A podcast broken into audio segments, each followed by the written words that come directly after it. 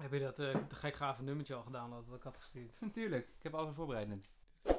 Uh, wat ik ook zat te denken misschien, dat we bij de edit moeten beginnen met wat ga je in deze aflevering horen. En daarna onze gekkigheid en daarna de aflevering. Want normaal stappen mensen in die gekkigheid. En ik heb zo het idee dat sommige mensen misschien als ze ons voor de eerste keer horen, als het 30 seconden naar ik ben een vis luisteren, dat ze dan misschien wel vaker. Geld maakt meer kapot dan je lief is. Staat, leuk dat we met... staat de record alweer aan? Zeker. Ah, kijk, we zijn alweer lekker bezig.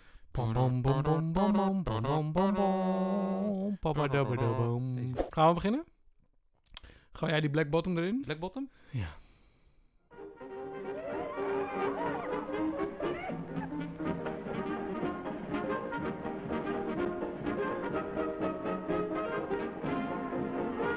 Ja, ja, ja. Aflevering 9 van de Bucketcast. Goedemiddag en van harte welkom bij deze aflevering. Of goedemorgen of goedenavond. Hangt een beetje vanaf wanneer je zit te luisteren natuurlijk.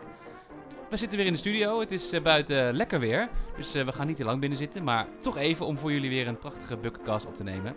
En tegenover mij zit zoals altijd Daan. Yes. Hallo Daan. Hoi. Hoe gaat het met je? Ja, het gaat uh, goed. Het is inderdaad heerlijk weer. Korte broek, korte, korte broek, mouwtjes. Korte broek, korte mouwtjes. Ja. We gaan ervoor. We gaan ervoor. De haartjes zijn weer geknipt, althans bij mij.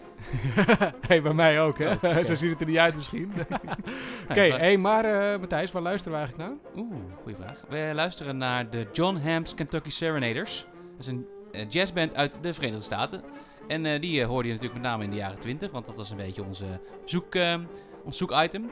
En dit nummer heet Black Bottom. Mm -hmm. En daar hoort ook een hele dans bij. Dus een soort opvolger van de Charleston. En we zullen dat even delen op onze socials. Maar deze man, mannen doen dans. Ja, ik vind het heel ziek. Ik ja, kan het niet. Ik ook niet. Ik heb het is een beetje een combo van een soort van swing meets Ierse volksdans meets I don't know what it is. Ja, nou, leuk. Echt Kijken. Dans. Het is een dans en die dans heeft ook een eigen Wikipedia pagina. De Black Bottom Dance. Ja, dan hoor je een hele lange Wikipedia pagina zelfs.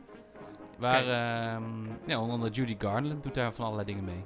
Maar dat was in de jaren 50 pas, dus hey, zo stuk. Hey uh, Daan, waar gaan we het vandaag over hebben? Want de uh, Bucketcast, uh, ja, wat, wat is het eigenlijk? Alweer? Ja, wat is eigenlijk de Bucketcast? Nou, de Bucketcast is een podcast over bucketlisten. En dat doen we op een paar manieren. Dus we bespreken onze eigen bucketlist, wat daarop staat, hoe we dingen bereiken, wat we daarin allemaal tegenkomen. Uh, en we hebben af en toe gasten, ook zoals vandaag, die uh, perspectief geven op bucketlisten. Dus die vertellen iets over hun eigen bucketlist, dromen die ze gerealiseerd hebben. En als het goed is, leer je als luisteraar daar ook allerlei dingen van over hoe jij je dromen kunt realiseren en kunt bucketlisten. Hoppakee, helemaal het fillertje volgepraat, uitstekend. Hoppa. Ja, is altijd goed als dat, als dat lukt. Ja. Zo is het ook. hey, en uh, je hebt al een beetje verklapt, we hebben vandaag één gast. Want we ja. gaan het vandaag hebben onder andere over geluk en bucketlisten. Ja, en, en word je eigenlijk wel geluk, gelukkig van bucketlisten of van überhaupt dromen najagen? Precies. Want, ja, we dromen natuurlijk allemaal van dingen, maar sommige mensen zeggen ook, ja, maar je moet gewoon leven in het moment. Ja. Nou, nou ik leef heel erg in het moment, maar ik droom ook. Ja, in het moment. Ja, kan ja. het allebei? Ja, geen dat weet ik eigenlijk niet. Okay. Laten we daar maar de volgende keer over hebben. Onze gast is uh, Ad Bergsma. Ad Bergsma, geluksonderzoeker. Geluksonderzoeker, uh, psycholoog, auteur. Um, en heeft onwijs veel uh, geschreven en onderzocht op het gebied van geluk. Dus we zijn heel, heel, heel, heel, heel, heel, heel blij dat we hem in de uitzending hebben. Zeker. En hij heeft ons een super mooi perspectief gegeven op, uh, op geluk. En we moeten een kleine, kleine shout-out doen naar een uh, daarmee ook nieuwe vriend van de show, Zep Bergsma. Ja, die luistert naar ons. Die luistert naar ons. Dat is de neef van Ad Bergsma. En Zep kennen wij dan weer. En die heeft toch ons gezegd... Hé, hey, maar uh, mijn oom doet toffe dingen met geluk... en moet hij niet in jullie show komen? Nou, ja. en van het een kwam het ander. Zo ook. Dus, uh, nou, heel leuk. Ad en Zep, super bedankt. En Ad gaan we dus zo meteen horen. Ook hebben we straks nog wat reacties van luisteraars... waaronder een, nou, bijna een soort column van ja. een luisteraar... die heeft een column voor ons ingesproken. Uit Zwitserland. Hebben. Helemaal uit Zwitserland. Mm -hmm. Wel in het Nederlands. We gaan het hebben over wat we de afgelopen weken gedaan hebben... Uh, en we gaan het natuurlijk hebben over wat we weer gaan doen de komende twee weken. Nou, simpel. Mooi. Elke week, elke, elke week, week, elke uh, aflevering hetzelfde Elke format. aflevering hetzelfde liedje. Eigenlijk simpel zat. Ja. Hey, let's go Daan. Wat heb jij de afgelopen weken gedaan? Poeh. Uh, nou, ik had, uh, ik had natuurlijk beloofd om uh, onderzoek te gaan doen naar de financiën van mijn oh ja. Moonshot-project. Dus mijn Moonshot-project is het, het creëren van een boerderij ergens in het buitenland... waar mensen kunnen komen om te werken aan zichzelf... en waar ik meer kan leven in harmonie met de natuur. De pitch wordt elke week ja, nee, beter. Dat zeg je ook elke week. Zeker. En ik vind het ook gewoon. Um, dus daar ga ik straks even wat over uh, vertellen. Uh, maar wat ik ook gedaan heb, zonder dat ik dat de vorige keer heb aangekondigd, is... Uh, ik heb een derde phony tape opgenomen. Ja. ting. En wat ik had natuurlijk beloofd, drie nummers op te nemen in mijn crappy home studio. En dit Ja. is in one take, ik en mijn gitaartje op een zeer katerige zondagochtend gewoon in één keer opgenomen. Hoppa. En eh, dus die staat ook op onze website, thebucketcast.com. En? En hij staat op Instagram. En? En, en iemand die, eh, eh, die op mijn pad kwam, die zei... Ik ga binnenkort een korte film insturen voor een filmfestival in Madrid, wat virtueel gehost wordt. Ehm, en mag ik jouw nummer daarbij gebruiken? Hoppa. dus toen dacht ik, wow, moving up in the world. En, wat ik jou ook nog niet verteld had, Oh. is dat door dat nummer nu een andere muzikant die dat... Die de, die film heeft gezien en die in het, dus mijn nummer zit in het einde van, eh, van dat filmpje. Zes minuten duurt die ongeveer. Eh, en die muzikant, dit is echt een professionele muzikant, die zei: Wow, ik vind het echt een heel vet nummer. En wie is deze gast? Bam. nou, maar dus dat Phony 3 is beschikbaar. eh, en daar ga ik straks ook nog wat over vertellen wat ik daarmee ga doen. Want ik dacht, nou, dit nummer genereert een soort van tractie en dat vind ik stiekem wel leuk. ja, super vet toch? Ja, heel vet. Nice. En ik ben er ook heel blij mee. En ook vooral dat ik het niet... Ik heb het niet geproduceerd, ik heb het gewoon in één keer opgenomen. En ik had een hele grote kater, dus daarom klink ik extra rauw. Rauw, lekker. Oké. Eh, wat ik ook heb gedaan, is... Ik ben natuurlijk bezig met voor de Management Universiteit van Bled in Slovenië. Zeker. Om daar eh, op een of andere manier voor elkaar te krijgen dat ik met hen eh, de natuur in kan. Om met hun MBA of leadership studenten te werken aan de beste versie van zichzelf. Omdat ik dat heel gaaf vind. Zij dat heel gaaf vinden. En ik eh, het leuk vind om met hen dat in Slovenië te doen. Nou, en wat er dan eh, gebeurt is dat ik had contact met, eh, met de decaan daar. En eh, die, eh, nou, dat was een beetje moeilijk, want die had ik een filmpje gestuurd en die was heel blij. En toen reageerde ze van, oh, wat leuk. En toen, stuur, toen hoorde ik een hele tijd niks. En toen heb, vorige week liep ik door het bos en toen dacht ik, oké, maar ik ga er nu gewoon een filmpje sturen, want ik hoor er al een hele tijd niks meer van haar. Dus toen heb ik haar dat filmpje gestuurd. Daar reageerde ze binnen een kwartier op. Hé hey Daan, sorry, ik vind het een heel tof filmpje. En ik dacht dat ik je al wat gestuurd had, maar, Maar laten, we in, ja, maar laten we in contact komen, want ik wil graag verder praten. Dus toen dacht ik, kassa, of nou ja, kassa dacht ik niet. Ik dacht, jee, bingo, eh, we gaan verder praten. Nou, weer een tijd niks van haar gehoord. Van de week toch maar weer een berichtje gestuurd. Ja, ik, ik zit de hele tijd in die messagebox van LinkedIn met haar te communiceren. Dat schiet niet op. Dus ik heb ook aan haar gevraagd, doe even je e-mailadres, want dan zijn we weer een stapje verder. En eh, gisteravond stuurde zij eh, dat deze v- 22 minuten over drie regels tekst. Waarin stond: Hey Daan, ik wil sta- nog steeds graag met je praten. En hier is mijn e-mailadres. Ping! Dus we zijn weer een stapje verder. En de allerlaatste was natuurlijk de onderzoek naar de financiën van mijn Oh ja. droomhut. Dus eh, de, de, de, de boerderij in een mooi buitenland waar mensen kunnen komen om te werken aan de beste versie van zichzelf. Money, money, money. Nou, de vraag was altijd, ik heb steeds scherper wat ik eigenlijk in dat scenario wil. Wat ik, wat ik wil gaan doen, dus hoe het er ongeveer uit moet zien, hoe groot het moet zijn, wat ik daar, hoe ik mijn geld wil gaan verdienen, dat soort dingen. Maar de vraag is, wat kost dat? Ja, wat kost het leven? Ja, dus toen stuurde ik jou van de week een appje. Eh, wat kost leven eigenlijk? Want als je dat eens allemaal op een rij gaat zetten, ik, ik denk dat jij het ook niet weet, want het wist, ik wist het voor mezelf niet. Wat geeft Geen je? idee. Nee, wat, wat kost het om jezelf elke maand in leven te houden? Ja, ik heb het wel eens een keer, eh, wel een keer, ik heb wel eens een keer een Excelletje gemaakt met wat het allemaal ongeveer zou moeten kosten. En Ja. ik heb wel eens bijgehouden. Maar daar ben ik inmiddels weer mee gestopt. Ja, Maar dat was om een keer een beetje grip op de kosten te krijgen. ja, Maar dan nog is het best wel ingewikkeld. Want wat- Ja. dan moet je ook altijd inschatten. Ja, hoeveel, hoeveel euro doe ik boodschappen? Ja, en voor hoeveel euro is het eigenlijk echt nodig? ja, nou precies. En, dus, en kan je nagaan, als je dus naar het buitenland gaat, waar je de prijzen niet zo goed kent, Nee. hoe doe je dat dan, zeg maar? Dus ik, heb, nou, ik ben eh, België een beetje gaan uitzoeken. Dat is vrij makkelijk, want dan spreken ze ook Nederlands. En, eh, maar eh, dat heb je dan gedaan? Heb jij de Carrefour gebeld en gezegd, joh, Ja, wat kost boodschappen? Nee. Nou, de grootste kostenpost van leven, voor de mensen die denken, wat kost leven nu eigenlijk? De grootste kostenpost van leven zit in belasting, sociale Ah, ja. voorzieningen, verzekeringen, dat soort uh, shit. Ik wil het geen shit noemen, want het maakt natuurlijk dat wij gewoon goed kunnen leven met elkaar. Maar eh, verzekeren kost wel echt veel geld. En auto's en dat soort dingen. meerdere auto's. Meerdere auto's, grote SUV's. Nee, natuurlijk niet. Maar dus, ja, ik ben een beetje onderzoek naar gaan doen. En de, de, eh, het interessante aan dit proces was, ik had twee weken best wel de tijd om dit te doen. Ik heb het van die 14 dagen, een soort van 12 dagen uitgesteld. Ja. En ik weet niet waarom, er zat een soort van mentale blokkade op of zo. En toen ik er wel was aan begonnen, wist ik eigenlijk wat die blokkade was. Want ik dacht, ja, nu wordt het realiteit. En de realiteit is natuurlijk, leven kost gewoon geld. En je moet op een of andere manier gaan bedenken hoe je geld gaat verdienen. En dat zie ik nog niet helemaal, hoe ik dat precies ga doen. Dus daar ben ik niet zo blij van. Nee. En nu? Nou, het mooie wil dat ik in alle landen waar ik iets, eh, waar ik mijn target op heb gericht, ken ik mensen. Hey. Dus de volgende stap ben ik, ik ben met mensen gaan bellen. Eh een van die mensen is bijvoorbeeld mijn nichtje, die woont in La Rochelle in Frankrijk. Oei, oei. En die zegt, eh, oui, oui. En ze spreekt gewoon goed Nederlands, gelukkig. Oh. Ehm, Hallo. Ja, hallo.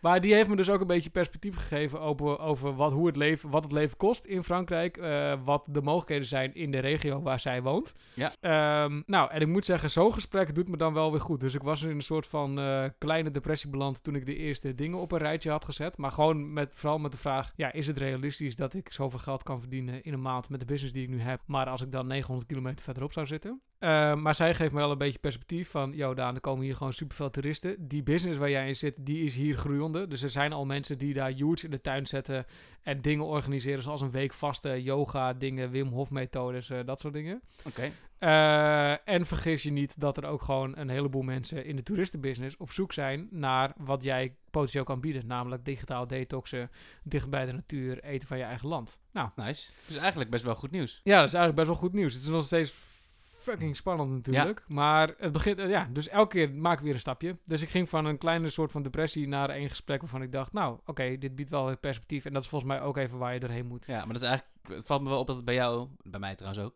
maar dat dat elke keer wel een beetje zo is. Ja, Dus dan is het even, zeg maar, een high. En denk je, oh ja, dit is helemaal tof. En dan Ja. komt er toch weer iets waarvan je denkt... eh, eh. ja. Nou, maar dus ik denk ook de hele tijd, ja, als ik erin geloof, gaat het sowieso gebeuren. Maar Ja. d- dat is een soort van easier said than done. Want ik merk ook in dit proces, ja, de realiteit is gewoon, als je daar een huis moet kopen, moet je ook eh, hypotheek betalen. En je moet elke maand eh, geld verdienen om, eh, ja, om te kunnen overleven. En nou ja, dat soort dingen. En waar gaat dat dan vandaan komen? En dan kun je nog zo spiritueel onderlegd zijn en gemotiveerd zijn. Maar gaat, ja, is dat genoeg om het te gaan laten lukken? Zeg maar. Goeie vraag. Nou ja, dus ik ga een beetje heen en weer. Maar in, al- over het algemeen is de trend goed hoor. En ben ik blij en zie ik steeds meer perspectief van... oké, dit zou nog serieus kunnen werken ook. Nice. Nou, dat dus. Ja, op zich, dus, op zich goed nieuws en veel gedaan ook wel eigenlijk. weer. Ja, Jeetje. stiekem best wel. Zal ik ook eens wat vertellen? Ja, wat heb jij eigenlijk gedaan? Ja, dat valt eigenlijk wel mee. En dat zit een beetje, dat zit een beetje, ik hink een beetje op twee gedachten. Ik zou iets gaan opnemen wat ik niet heb opgenomen. En hoe komt dat dan?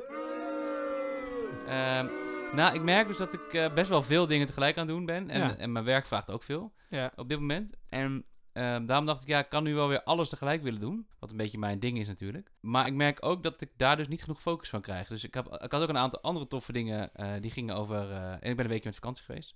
Waarin ik eerst heel veel dingen wilde doen. En toen dacht ik, nee, nee, nee. Ik ben een weekje met vakantie nu. Dus je gaat nu Ja. even een weekje niks doen ook. vakantie in, nu komt het. Vakantiebestemming. Vakantie, ja, de vakantiebestemming was dus mijn ouderlijk huis. Hartstikke idee. Ja, hartstikke idee. Ja, zo gaat dat eh, tegenwoordig. Ja, Ja, nou ja, Was we lekker, ook naar toch? Centerparks voor 1400 euro voor drie nachten. Maar dacht, nou, dat vind ik wel een beetje overdreven. kun je ook gewoon in de polder over de maiskolf heen kijken. Ja, dat was prima. Was een super mooi uitzicht en een hele mooie omgeving. Dus ik was daar, maar toen dacht ik, ja, ik kan hier nu wel heel veel tijd aan gaan besteden. Maar uiteindelijk ben ik gewoon lekker een boek gaan lezen. Ja, Welk boek? ik ben het vierde deel van het Rad des Tijds heb ik gelezen. Het is een Zo. fantasy serie, er zijn 14 boeken van. Ja. En dit is het vierde boek en elk boek heeft minimaal duizend pagina's. Hartstikke idee. Ja, dus ik moet nu nog eh, negen boeken. Ja.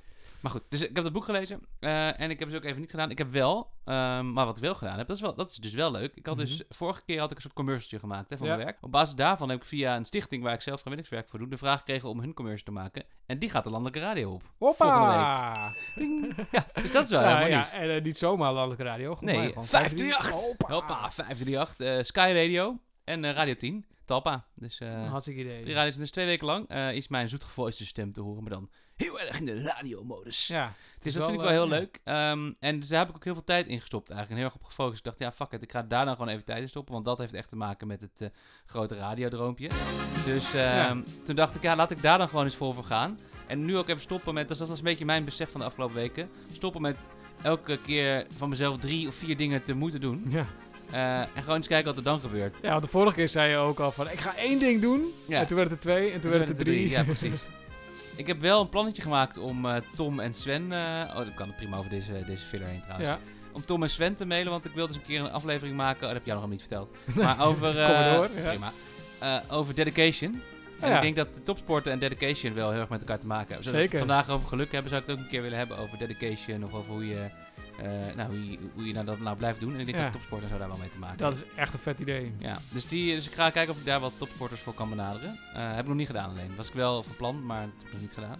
Omdat ik het, eh, het berichtje in mijn hoofd heb ik wel geschreven inmiddels. Ja, nou mooi. Dus dat is wel heel leuk. Maar dus je gaat eigenlijk vanaf nu, zeg je daarmee, zeg maar, soort proces waar je natuurlijk al heel lang in zit. Ga je, ga je nu eindelijk een keer keuzes maken? Ja, ik ga full focus op die radiodroom. En de Kijk. podcastdroom. Ja, dat is wel een beetje wat het is. Ja, maar nu heb je het, nu heb je het live gezegd, dus nu is het waar. Nu is het waar. Ja, ik heb wel nog iets anders gekregen, wat, ook, wat, in het verlengde daarvan ligt. Wat ook wat te maken heeft met produceren van geluid, muziek. En Ja. dat is een beetje de brede zin van de radiodroom. Ja. Ik ben gevraagd, weet niet of ik je dat al verteld had, door eh, Jennifer, een vaste luisteraar van deze show. Oh, oké. ehm, die ik eh, wel ken, maar ja, al een tijdje niet gezien had. ja. Die eh, luistert naar deze show en die heeft gezegd... Ja, ik eh, ben voor een groep 8 een groep 8 musical aan het maken... maar dat gaat op dit moment in meer videovorm. En jij wil filmmuziek maken, dus wil jij de muziek onder onze groep 8 musical maken? Damn, Bam! nice. Maar dat gaan we nog doen. ja, dat is dus wel heel leuk. Maar ehm, dus dat is wel heel leuk. Dus ik, zo zijn er nog wel wat dingetjes dus gewoon weer gaan spelen. En ik merk dus ook dat ik daar ook in wil stappen. En dan dus ook moet denken, ja, dan kan ik dus niet vier andere dingen nog op mijn lijstje Nee. staan. Volle Dus- bak op de droom. Ja, volle bak op de droom. Fuck. Ik, ik ben eigenlijk, dat merkte ik ook bij mezelf. Ik ben eigenlijk ook afgelopen twee, drie afleveringen.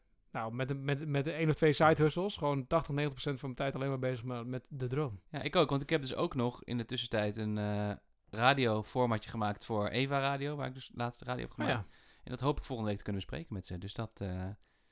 Getting there. er, Ja, zijn, er zijn dingen aan het gebeuren. Ja. En dat in aflevering 9. aflevering 9. Volgende week is aflevering 10. Oeh, dat moeten we vieren. Moeten we vieren. Ja, Met taart. bier. Bier. taart. Wel ook taart, bier. Oké. Helemaal nou. goed. Ja, Hey, maar je had, meer, je had er meer gedaan, toch? Of niet? Even kijken, had ik nog meer gedaan? Ja, want je zei ook nog iets over eh, toen ik jou eh, digitaal sprak. Oh ja. Over de, bij je ouderlijk huis zijn en belemmeringen. En, eh, Nou, nee, dat valt wel mee. Ik heb niet zoveel gedaan, maar ik me- besefte wel, dus ik liep daar rond en dan denk je ook na over. En ik sliep bijvoorbeeld niet in mijn oude kamer, want daar sliep de kleine man. Maar Ja. ik sliep daarnaast en dan- dan ben je wel veel daar bezig. En wat me wel opviel is dat je dan in mijn reflectie kwam ik wel dat ik dacht, oh ja, dit was, dit was de dromen die ik nu heb, die sluiten ook wel aan de, bij de dromen die ik eh, toen had. Zeg maar tot en met Ja. eh, 16, 17 toen ik daar woonde. En ik had ook wel eens naast te denken over wat maakt nou dat ik zeg maar na mijn 17e niet al doorgepakt heb, bijvoorbeeld. Dat soort dingen. Dus daar heb ik het wel veel over nagedacht. Ja, was wel een vrij confronterende situatie. Maar wat ik dus onder andere con eh, constateerde is dat ik ook in een eh, wereld terecht ben gekomen waarin je hele andere dingen moest gaan laten zien. En waarbij je kop boven het maaiveld uitsteken eh, voor mij in ieder geval op dat moment helemaal niet veilig voelde. Nee. Dus ja, dat is ook zo'n eh, dat is wel een besef dat ik dacht, hmm, Maar zeg je daarmee, op mijn 17e wist ik eigenlijk ook al dat ik radio wilde maken. ja, die kans, nou, de radio weet ik niet, maar wel dat soort dingen zou ik, dat, ik denk dat dat er toen al wel in zat, ja.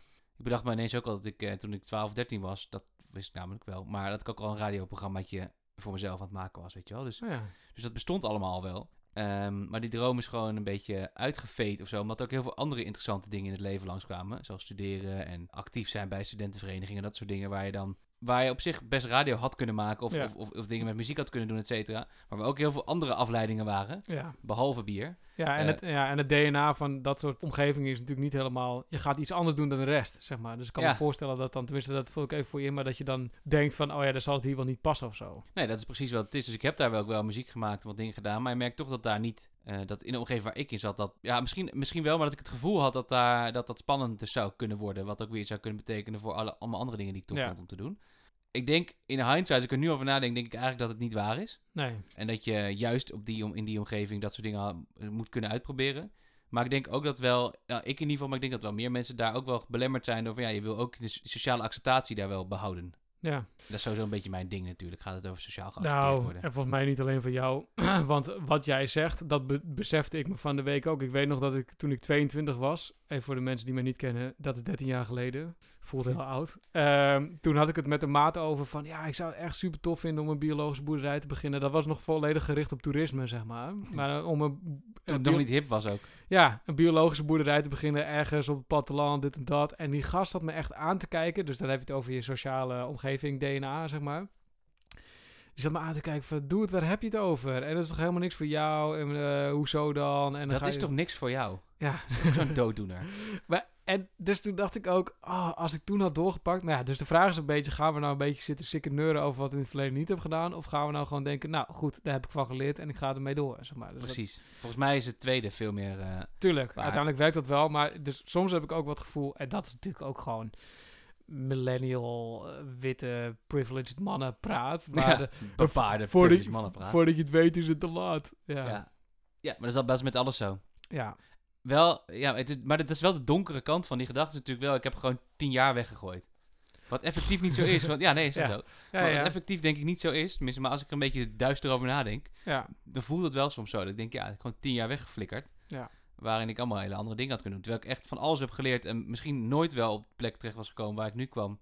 Waarin ik überhaupt in, Nee, de, precies. in de gelukkige omstandigheid mag zijn om deze podcast te maken. En deze kansen te kunnen aangaan. Ja. Ehm, Maar goed, dat weet je, dat is best wel... eh, nou, nou, ja. Hm. Ja.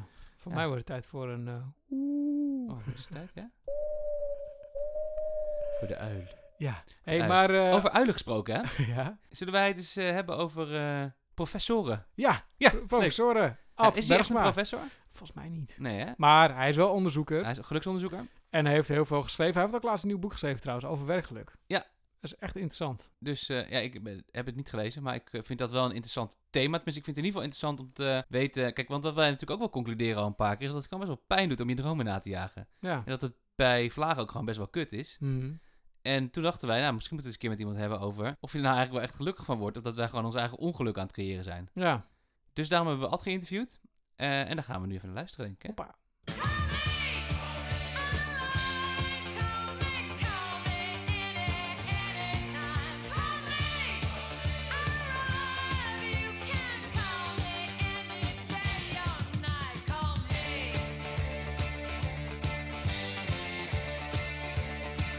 We bellen vandaag met Ad Bergma. En eh, we hebben Ad gevraagd om een, ook een blik te geven op bucketlisten en het fenomeen waar wij het met elkaar over hebben. En dat gaat dus eh, ook over, eh, ja, vanuit jouw bril van geluk, geloof ik. Hè, Ad? Want kan je kort vertellen wie je bent en, en wat je doet? Ja, ik ben psycholoog. Ik heb psychologie gestudeerd in Utrecht. Daarna ben ik gaan werken als journalist. En daarna ben ik vervolgens onderzoek gaan doen naar geluk. Ik ben gepromoveerd op onderzoek hoe mensen gelukkiger kunnen worden en hoe je ze daarbij zou kunnen helpen. En verder ben ik schrijver en heb net een handboek gemaakt over werkgeluk. Dus echt bezig met geluk en werkgeluk. En ehm, daarom dachten we het leuk om met jou te spreken, ook in relatie tot zeg maar bucketlist. En word je daar eigenlijk gelukkig van? Maar voordat we daar naartoe gaan, was ik wel benieuwd. eh, Wat heb jij eigenlijk op je bucketlist staan? Of wat vind je eigenlijk van het fenomeen bucketlists? Ik vind het een leuk fenomeen. Ik vind het zelf heel erg prettig om vooruit te kijken zo van waar je naartoe zou kunnen. eh, om, om iets van dromen te hebben. En ik hoef ze niet altijd per se waar te maken. Maar ik vind het feit dat je een bucketlist hebt, vind ik wel verrijk. En wat erop staat, ik zou graag een keer naar China willen fietsen. Eh, ik, ik zou nog een keer naar Santiago willen lopen vanuit huis. Dat soort dingen. En, en, wat, en wat hoop je dan dat er gebeurt als je op zo'n lange reis bent? Want ik hoor twee keer ver weg, zeg maar. Ja, fietsen dan- naar dan komen we gelijk al op het thema zo van waarom jullie mij gevraagd hebben. Zo, het, het leuke van een, van een hele bijzondere ervaring is dat je lang in je geheugen kan houden, zeg maar. Dus, dus je hebt heel veel rendement van eh, iets wat je via een bucketlist doet. Zo van, het, het is iets wat je definieert. Zo van, als ik volgend jaar jarig ben, is dat voor de 56ste keer. En dat wordt in mijn hoofd wordt dat één brei verjaardagen. En over een jaar weet ik daar niks meer van, zeg maar. Maar als je iets gaat doen wat je nooit eerder hebt gedaan, dat weet je over tien jaar nog steeds. Dus dat is een groot voordeel.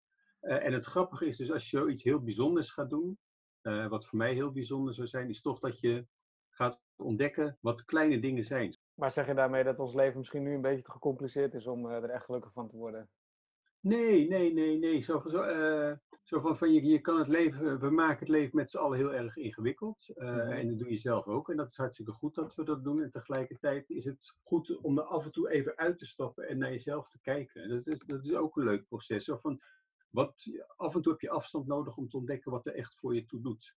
Zeg je, zeg je daarmee ook dat zeg maar dingen als, dus wat meer, wat meer materiële zaken, zouden die, die kunnen natuurlijk ook op een bucketlist staan. Hè? Dus ik zou ook op een bucketlist kunnen zetten dat ik heel graag een keer eh, een grote TV Ferrari. ja, een Ferrari wil. Een grote tv is misschien een verkeerd woord, een Ferrari wil.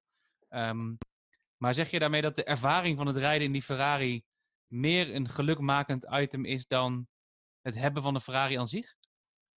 Nou, het vervelende van materiële dingen hebben is dat je er snel aan went. Het voordeel van ervaringen eh, die uniek zijn, is dat je ze minder goed kan vergelijken en dat je er minder aan bent, omdat ze zo op zichzelf blijven staan.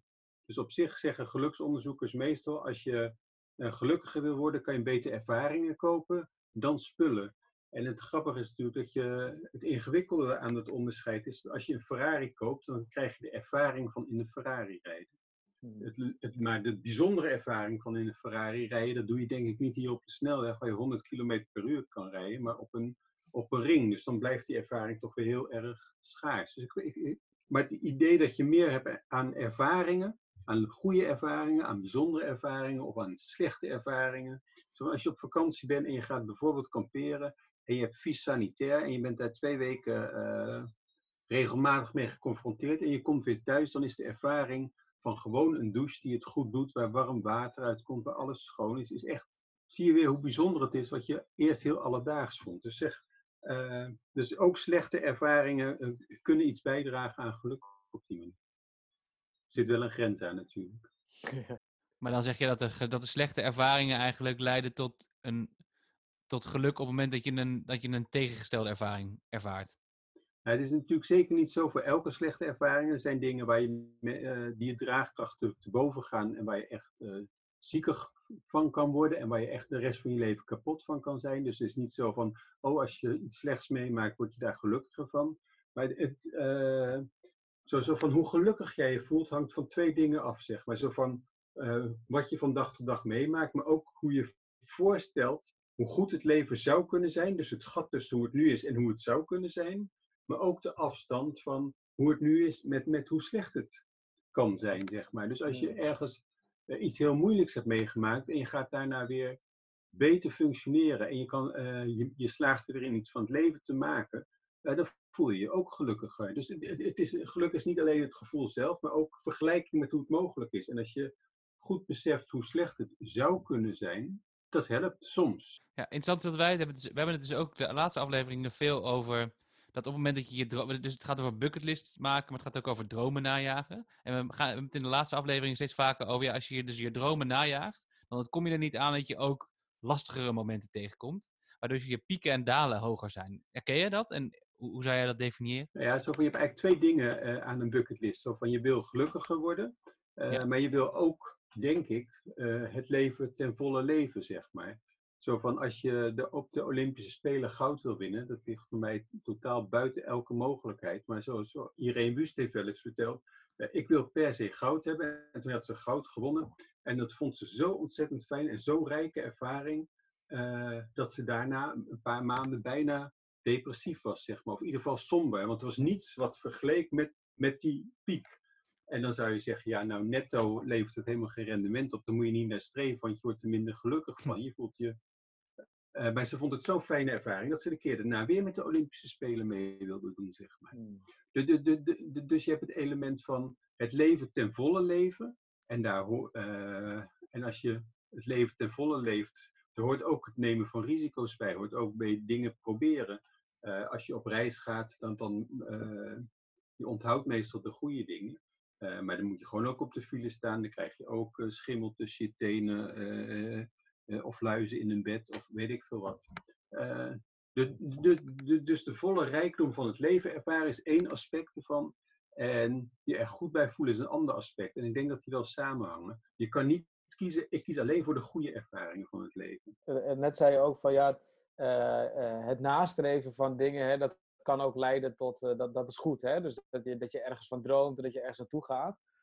Ehm, eh, wat wij ook wel hebben gemerkt, dat in de, in de dingen, wij hebben twee moonshots gedefinieerd. Dat zijn onze, onze soort van de allergrootste dingen die wij op onze bucketlist, hè, het goud van Irene Wust, dat hebben, wij hebben ook zoiets vergelijkbaars op onze bucketlist staan.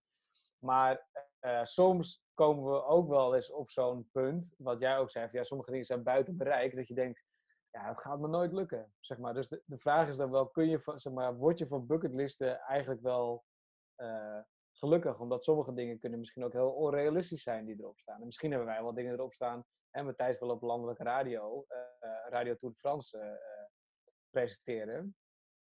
Ik wil een bergboerderij ergens. Misschien is dat wel totally out of reach. Dus zijn we iets aan het streven waar we uiteindelijk helemaal niet gelukkig van worden. Ja, het eerste wat je moet realiseren is dat de meeste mensen toch wel heel sterk zijn. Zo van, ik, denk dat je gemiddeld erbij wint eh, als, je als je dingen wel probeert en dat je je laddertje tegen de maan aanzet, zeg maar, en dat je toch eh, uiteindelijk kom je niet op die maan terecht. Dus, dus om dingen te proberen, zo van ja, als je bij tevoren, zo van stel je voor, een echt goede relatie zit er voor mij niet in. Het, is, blijft toch altijd aanmodderen, zeg maar. En dan, dan begin je met het buurmeisje, eh, die ook geen ander heeft, en, en, ontwikkel je een relatie.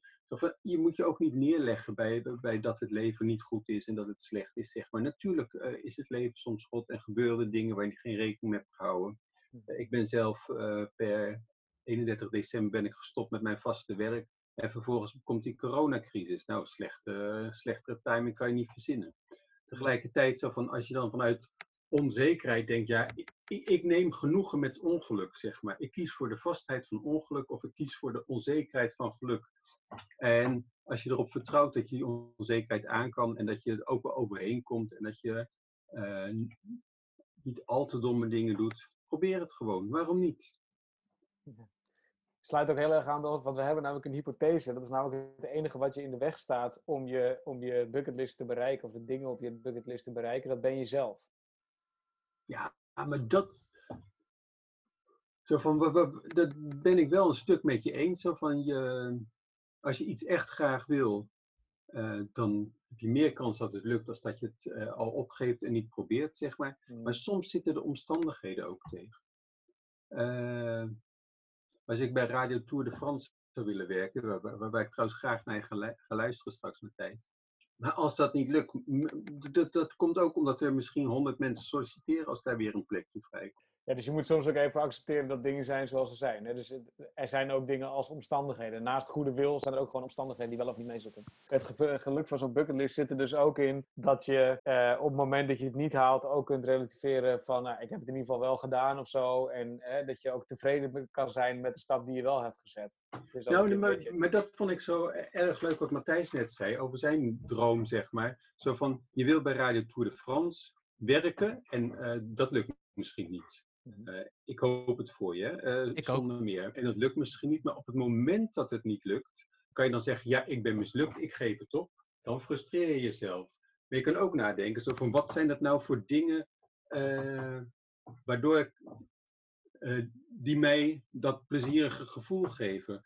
is dat het aanwezig zijn bij de Tour de France? Nou, misschien kan je als mechanieker gaan werken bij, bij, bij een club, zeg maar. Ja, precies. Dus dit de vorm, dat is eigenlijk ook wat uh, in een eerdere uitzending bij een andere gast, inderdaad, wat Matthijs beschreef.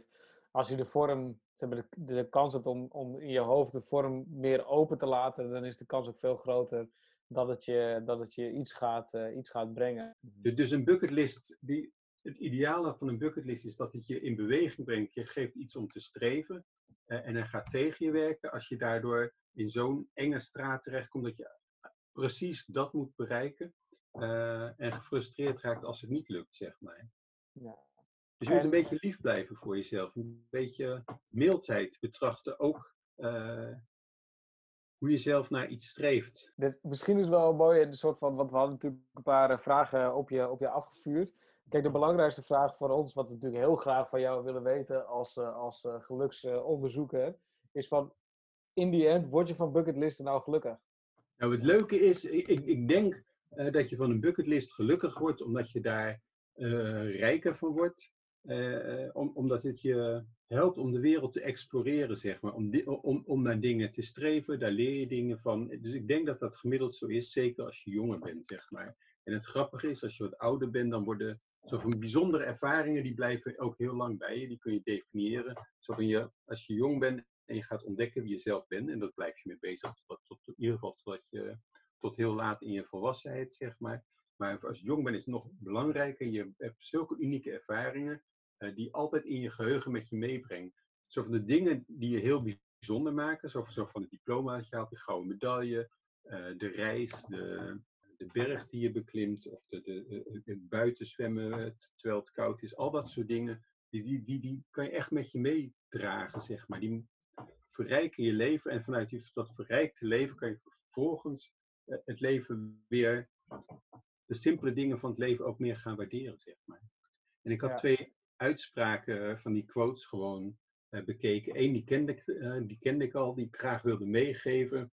En dat is de ene kant van het verhaal is, het is, it is useless to look for what is everywhere. It's hopeless to hope for what you cannot be gained because you already have it. Dat is van Thomas Merton. Dat is een, een Amerikaans-Engelse monnik.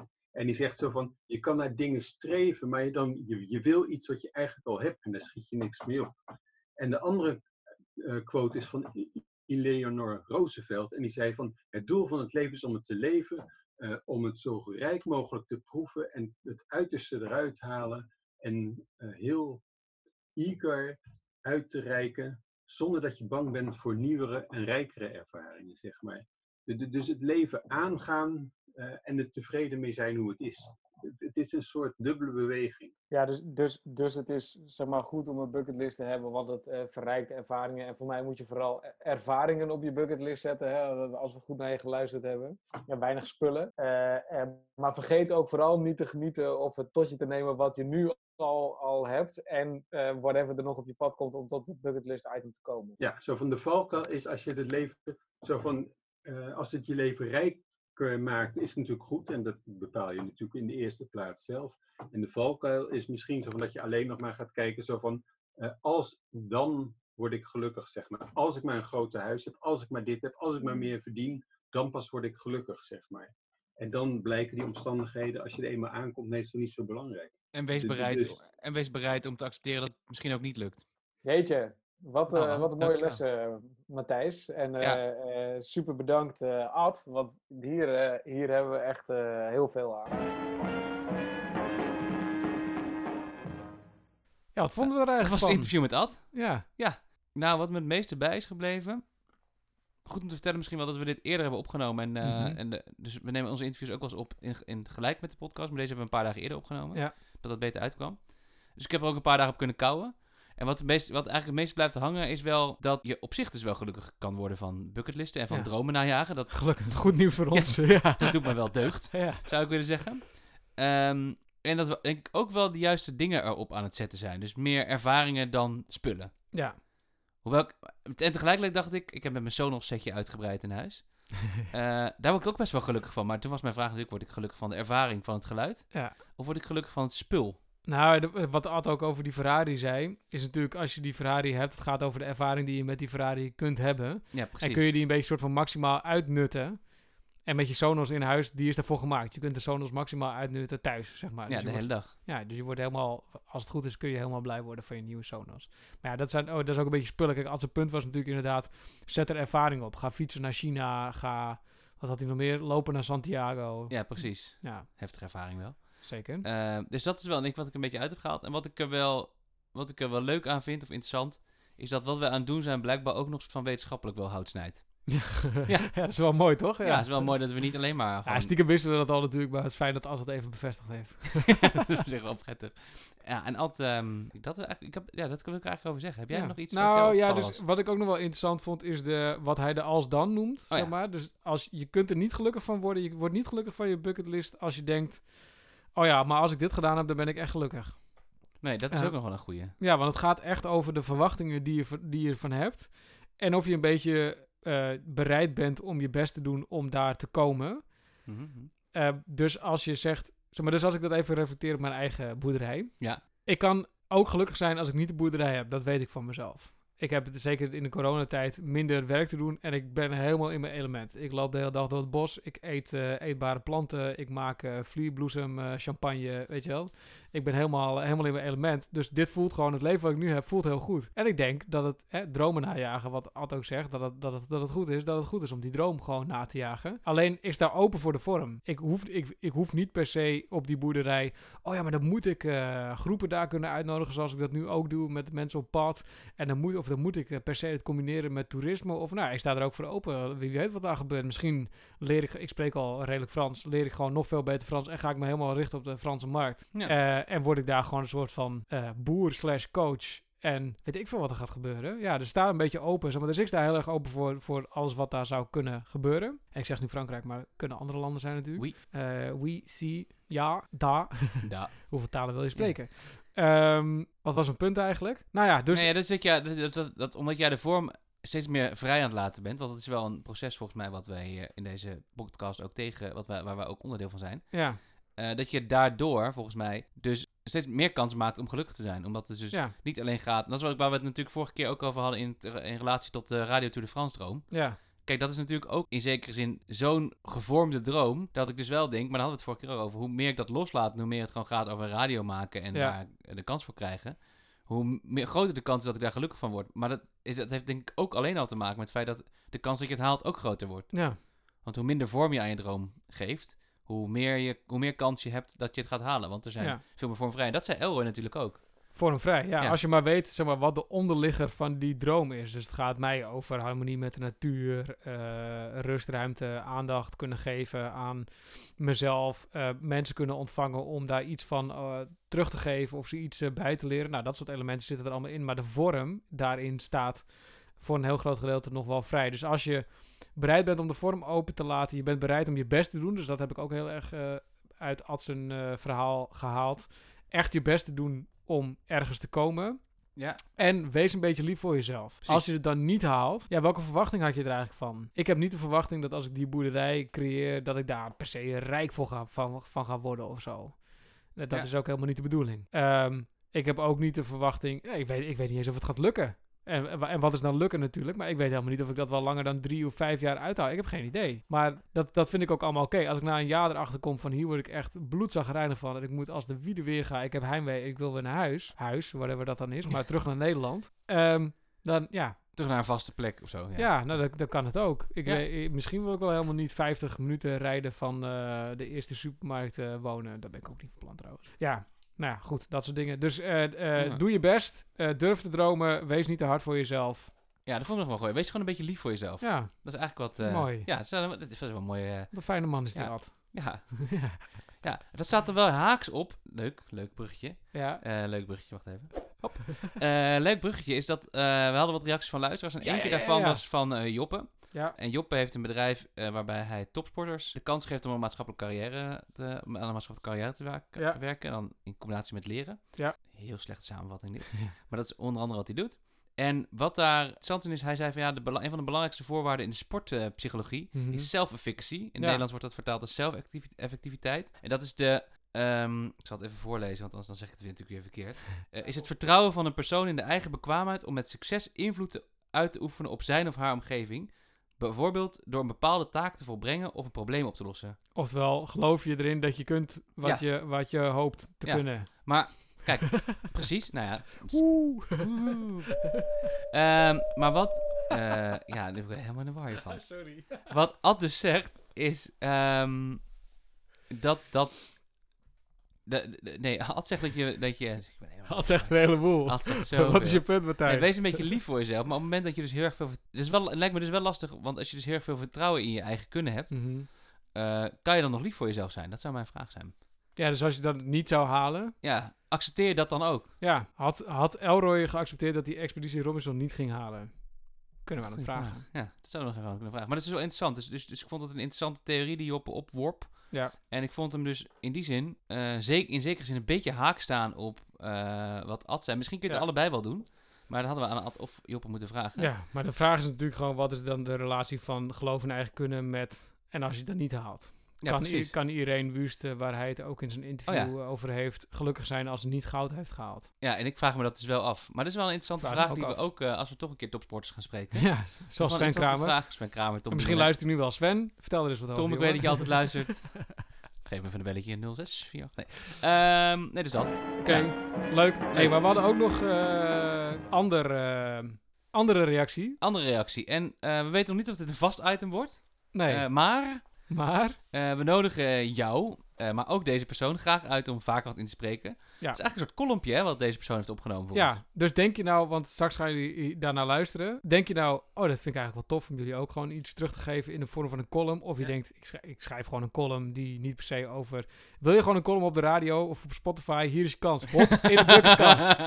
Dus voor de dag ermee, eh, voor de draad, eh, bedenk wat leuks, spreek het in. Denk er wel even over na, want zoals je ook gaat horen is eh, onze grote vriend Maarten uit Zwitserland, vaste luisteraar en de enige luisteraar uit Zwitserland, is, heeft echt zijn best gedaan om iets tofs te vertellen over wat hij eigenlijk van bucketlisten vindt en wat Ja. hij van onze podcast vindt. En Nou, wat hij van ons vindt. en wat hij van ons vindt. Iets met eh, IPA, drinken. drinken, bepa- nou, laten we het vooral niet weggeven. We eh, gaan even naar luisteren mannen, en eh, nou, laten we daar vooral even naar luisteren.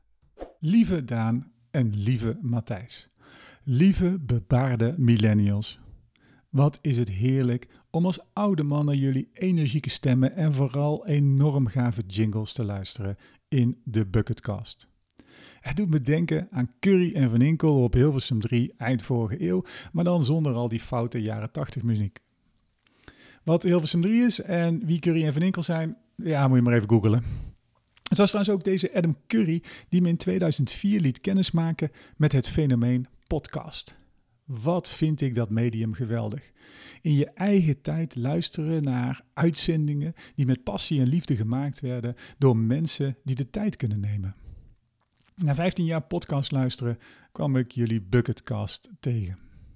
Mooi om jullie zoektocht naar het juiste format vanaf aflevering 1 mee te mogen maken. De kwetsbaarheid en openheid die jullie op een mooie manier weten te verweven met gesprekken met toffe gasten. Jullie podcast heeft me aan het nadenken gezet. Ik heb niets met een bucketlist. De lijst die je voor je dood moet afwerken. Ik moet niks. Leef alsof iedere dag de laatste dag kan zijn van je leven en geniet ervan. Als een soldaat die naar het slagveld gaat. Het einde van je dag netjes afsluiten. Tegen de mensen die dicht bij je staan zeggen: Ik hou van je. Je shit op een rijtje hebben. Dat doen wat belangrijk is. Goed zijn voor anderen en tevreden zijn met jezelf zoals je bent. Ik vind een bucketlist iets voor egocentrische, IPA-drinkende, witte sneaker verzamelen, yoga beoefende, back-to-nature vegan hipsters. Een bucketlist is voor mensen die niet tevreden zijn met het nu, die geen waardering hebben voor wat ze hebben en het leven zien als één grote checklist. Onverzadigbaar, niet genieten van het heden met een blik vooruit. Naar nieuwe, ongewone ervaringen. Er is een soort leegheid in het naar jezelf kijken als een verzameling van deze soort ervaringen. Wil je door het delen van de lijst laten zien hoe creatief je bent of hoe creatief je wilt zijn? In hoeverre wil je dat de mensen je zien als je bucketlist? Ben jij je lijst? Door je te richten op je doelen mis je de ontdekking. Door je te richten op je bestemming mis je de reis. Lieve Daan en Matthijs, luister niet naar me. Maak je eigen pad. Virtueel door de bossen, aan de hand van een voetballer of onder de brug in Parijs. Blijf experimenteren, blijf zoeken en blijf het vooral delen met ons. Jullie brengen een glimlach en zetten me aan het denken. En dat is een geweldig cadeau wat ik van jullie krijg. Iedere podcast opnieuw. En uh, mogen er alsjeblieft meer geluidjes en jingles in de podcast? Liefs, Maarten. Ja, Wauw. Ik, ben- ik had al een paar keer geluisterd, maar ik ben er weer stil van. ik ook. Het is sowieso een supergoed, eh supergoed gemaakte column. Dus thanks Maarten daarvoor. Super veel dank. En eh, nou ja, En hij roept natuurlijk ook wel hoop, tenminste bij mij dan wel, wel reactie op. Omdat ik in eerste instantie denk je, nou, het is natuurlijk gewoon super tof. Hij heeft de lovende woorden ook voor de dingen die we doen. Maar natuurlijk zet hij ook wel ergens een soort van, doet hij even een prikje. Met van eh bucketlist is voor eh, vegan, bij sneakers. hip- ja, IPA ja. hipster millennials. en, en, en ben je niet je lijst. Dus dat bij mij ook heel erg blijven hangen. Ja, en- ja, ja maar, ben je, maar misschien ben je wel... maar ik ben wel een beetje mijn lijst, dus ik vind mijn identiteit best weerspiegeld zi- zijn in de lijst. Ja, maar vinden wij ook, vinden we het belangrijk dat mensen dat dan ook die aandacht aan ons daarvoor geven? En is het alleen dan goed, zeg maar? Want dat hoor ik er ook een beetje, dat maak Ja. ik daar dan weer van, want dat zegt hij nu natuurlijk niet letterlijk. Maar we hebben een hele website ingericht en we hopen natuurlijk elke keer weer van, ah, veel luisteraars en veel liken. En, zeg maar dus wordt, wordt, het, wordt ons leven beter als onze lijst, eh, lijst, als Lijst. een lijst aan de muur hangt. Eh, en dat we daar eh, lekker veel hartjes van krijgen. Ja. Dat, ja. Billions and billions and billions. Ja, and ah, zoveel likes. Ja, zoveel likes. Maar ja, dus ik zit daar zelf wel, ik zit daar zelf wel een beetje mee. Want het, het vervelende van social media, en het is natuurlijk al honderd keer gezegd, maar ik ga het ook nog een keertje zeggen. Ik zeg het nog een keer. Is natuurlijk wel dat als je likes krijgt, denk je toch wel even in die eerste milliseconde, oeh, lekker. Gewoon lekker als veel Ja. mensen het leuk vinden. Is ook zo. veel gezien. Is ook lekker, toch? Ja. Ja, maar, dus ik ben het ook wel met je eens, dat vind ik wel een mooi perspectief. Ik, ik vind mezelf ook wel, de lijst weerspiegelt ook wel echt wie ik ben. Ik zet daar echt, echt dingen op die vanuit het diepste komen. En Ja. ergens zijn we ook natuurlijk, vind het ook gewoon fijn als mensen daarop op reageren. Ja, maar ik ontken denk ik daarbij ook niet dat ik het fijn vind als mensen reageren of Nee. positief zijn over de lijst of wat ik daarbij wil doen en de, en de resultaten die ik behaal. Ik haal daar ook wel weer in zekere zin bepaalde... Dus, dus kijk, aan de ene kant zeg maar van ja, je hebt er geen... eh, het, het, het, het, het- je, zou- je zou het daar niet voor moeten doen, hè? dat is eigenlijk wat hij zegt ook. Van, ja, Ja. Wel, je doet het toch voor jezelf, niet voor anderen en wil je laten zien hoe creatief je bent. Aan de andere kant, ik vind het juist ook leuk dat mensen reageren op wat we doen. Ja, zeker. Nou. Dat. Dankjewel. Eh, wil jij ook een keer eh, in dit item eh, lieve Daan en lieve Matthijs of lieve bebaarde millennials? nou, laat het ons weten en stuur in ieder geval even je kolompje op naar postbus 51. Nee, eh, naar, eh, via, je kan dus denk ik via de website even reageren. Ja. Je kan reageren op instagram.com slash thebucketcast of op een andere manier proberen met ons in contact te komen, lukt altijd wel, denk ik. Ja. We zijn, eh, super, ja, we zijn dus heel erg online, dus je kunt ons enorm vinden. Ehm, dat is heel erg leuk. Hey, eh, Daan. Ja, dus over likes gesproken. Stiekem vind ik het ook wel leuk dat mijn Phony eh, tape 3 natuurlijk in zo'n filmpje zit. En Ja, dat er dan een muzikant... Dat is gewoon leuk. Maar wat ik ook zat te denken... Dat heb ik altijd al een keer willen doen. En ik denk, hup, take, gooi hem er gewoon op. Ik eh, zou het leuk vinden om daar een muziekclip van te maken. Een videoclip. Oh, Ja. En dat Wow. kan gewoon, want je kunt... Dus ik ga niet met camera en mensen en allemaal gedoe. Er is natuurlijk een gigantische beeldbank van gratis goed Zeker. videomateriaal. En dus ik dacht, ja. hoe, hoe, zou, hoe zou het zijn om zo'n videootje in elkaar, te, in, in elkaar te fietsen? Nou, dan ga ik dus even uitproberen. vet. Ja, Dus dat jij is, gaat een videoclip maken. ik ga een videoclip maken. Phony, phony tape wordt phony videoclip. Ehm, Maar eigenlijk zou je dan die videoclip ook moeten maken gewoon met je cameraatje van je telefoon. Misschien wel, ja. Jeetje, dat wordt wel weer ingewikkeld. Nee, juist niet. En dan moet ik weer gaan acteren en zo. Nee, Nou, ja, ja, of je gebruikt alleen maar beelden van de natuur. Is natuur. Eh, is natuur, dat kan natuurlijk ook. Hmm. Oké, hier moet ik even over nadenken. Nou. Ja, wat ik ook nog ga doen, ik heb een aanbod gekregen om ehm, in, zeg maar, ik heb natuurlijk plantjes en Oh ja. eh, groentjes en ja, ja, ja, ja, ja, ja. Eigen huis en tuin. Ik heb een aanbod gekregen om in die tuin waar mijn planten staan, om twee weken op dat huis te passen. Want je ouders die zijn er dan niet. Mijn ouders gaan naar de camping. Lekker. camping De Vergarde ergens in de Betuwe.